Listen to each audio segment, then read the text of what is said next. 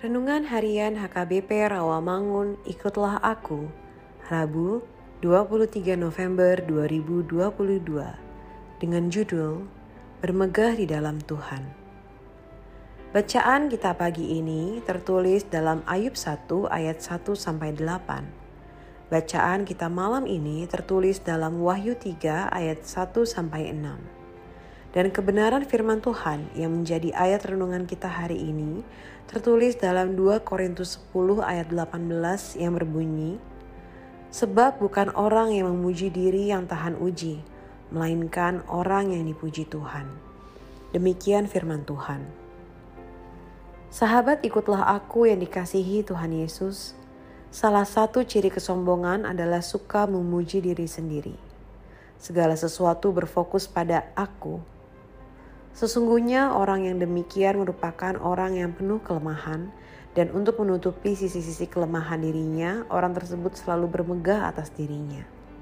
Rasa bangga dengan pencapaian yang diraih tidak salah, bahkan perlu, apalagi ketika pencapaian itu diraih dengan kerja keras yang luar biasa.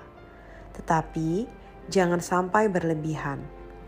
Rasa bangga yang berlebihan akan membawa pada kesombongan diri Paulus tidak melarang orang bermegah. Yang ia koreksi adalah rasa bangga atau bermegah atas hasil kerjanya yang membuatnya melupakan Tuhan. Seolah-olah segala keberhasilan yang diperoleh adalah hasil kemampuan diri sendiri tanpa campur tangan Tuhan. Sikap seperti ini bermakna kesombongan diri.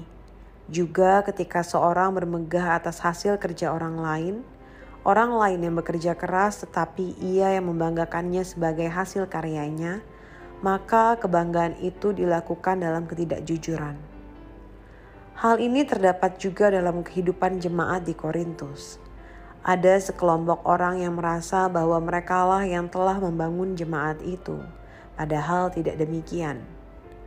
Paulus menegaskan kepada jemaat Korintus bahwa jika mereka bermegah, hendaklah mereka bermegah di dalam Tuhan Maksudnya, ketika seorang bermegah dengan apa yang diraihnya, maka sadari bahwa semua itu didapat karena pertolongan Tuhan yang memberkati kerja keras yang penuh kejujuran dan kebenaran. Bermegah di dalam Tuhan berarti mengakui bahwa Tuhanlah yang patut dimuliakan, bukan nama kita. Sebab Tuhan adalah sumber segala sesuatu. Amin. Marilah kita berdoa. Ajar kami untuk selalu mengingat bahwa Engkaulah sumber segala sesuatu, sehingga kami tidak menjadi tinggi hati. Amin.